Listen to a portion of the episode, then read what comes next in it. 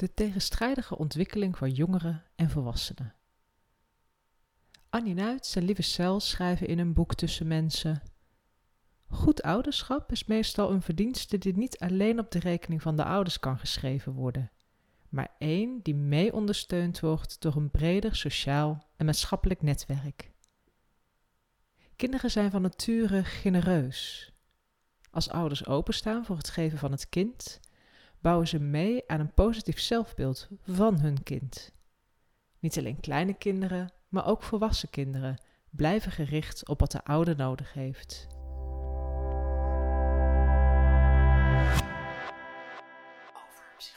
Hallo, ik ben relatietherapeut en schrijfster Mirella Brok en je luistert naar een audiofragment van het artikel Oh, ontwikkelen jongeren en ouderen zo? Van overpsychologie.nl Over psychologie. Jongeren en volwassenen staan als twee uitersten tegenover elkaar opgesteld, als waren zij in strijd met elkaar. Enerzijds is het de ontwikkelingstaak van de jongeren om het eigen leven te leiden, om op eigen benen en op eigen grond hun keuzes te maken, want dat vormt identiteit. En tegelijkertijd is het de ontwikkelingstaak van volwassenen om jongeren liefdevol te begeleiden. Voor hun zelfwaarde en identiteit is het belangrijk om trots te zijn op die begeleiding die ze geven. Deze ontwikkeling van jongeren en volwassenen loopt tegelijkertijd. En dat kan voor flink wat spanning zorgen. Maar als je geluk hebt, kunnen deze taken elkaar ook mooi aanvullen. Dan vormen twee zelfverzekerde identiteiten zich naast elkaar. Ontwikkelen jongeren en volwassenen zich parallel aan elkaar? Over psychologie. Psychologie van menselijke ontwikkeling. Ontwikkelingspsychologie geeft een verklaring voor de ontwikkelingstaken van jongeren en volwassenen. Kennis over deze ontwikkeling vergroot je begrip voor de ander. En vandaar dat je de komende minuten luistert over de levensfases en ontwikkeltaken van jongeren en volwassenen. Allereerst hoor je over de persoonlijke ontwikkeling van het individu en daarna meer over het individu dat altijd een deel is van het grotere geheel. Over psychologie. Vorm een identiteit met uitproberen, inpassen en toetsen. Kort uitproberen en ervaren. Om na het uitproberen te evalueren of het wel of niet goed voelde. Je identiteit ontdekken duurt tientallen jaren. En een identiteit ontstaat uit idealen, geeft zelfacceptatie, is herkenbaar voor mensen over tijd en in specifieke situaties. Gelukkig zijn er drie makkelijke manieren om je identiteit te toetsen. Als eerste dus uitproberen wat er past, zoals in het begin van deze alinea te horen is. De tweede manier om je identiteit te toetsen zijn dagelijkse gebeurtenissen inpassen. Zo kun je dagelijkse ervaringen zien als bewijsstukken die identiteit bevestigen. Wanneer iemand een praatje met je maakt bij de bushalte, dan kun je deze ervaring zien als een bewijsstukje van je toegankelijke, gezellige karakter. Jouw buurman die naar je zwaait, past ook op die steeds groter wordende stapel van bewijs. En dus archiveer je ook die ervaring als bevestiging voor wie je bent. Als meerdere ervaringen het tegendeel bevestigen, dan kun je hierop een beeld dat je had van jezelf aanpassen of verfijnen. Als derde kun je jezelf toetsen aan voorbeelden. Jongeren toetsen zich niet alleen aan dagelijkse ervaringen.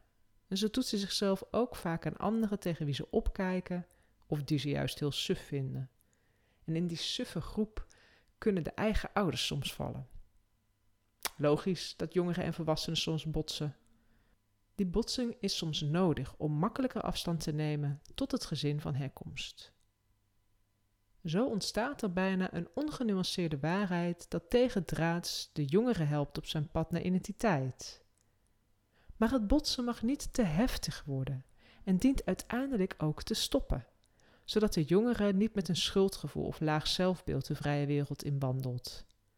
Het gaat dus uiteindelijk ook over het oplossen en voorkomen van botsen met dierbaren zonder je identiteit te verliezen. Over psychologie. Meerdere identiteiten in het gezin.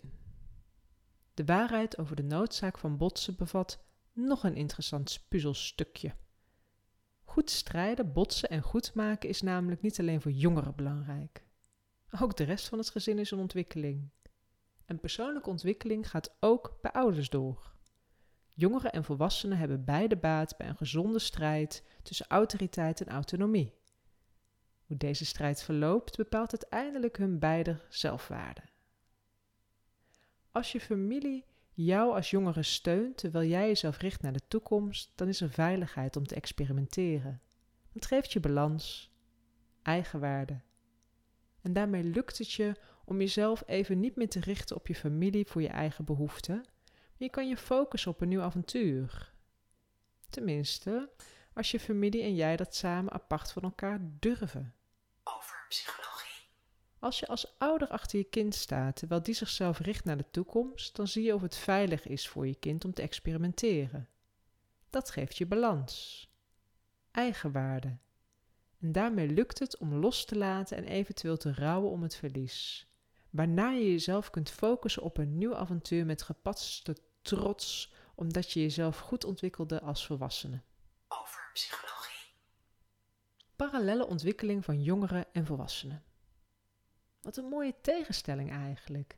De jongere concentreert zich tijdens de groei op zichzelf. En voor de ontwikkeling van de ouders is het ook goed dat jongeren een eigen leven leiden. Zo bekeken geeft de jongere zichzelf en de ander beweging en voortgang. Zelfs als je voor jezelf kiest, kom je waarschijnlijk nooit echt los van de volwassenen bij wie je hoort. Je verschilt als mens nu eenmaal als jongere van de volwassenen. Om daarna als volwassene van de jongeren te verschillen.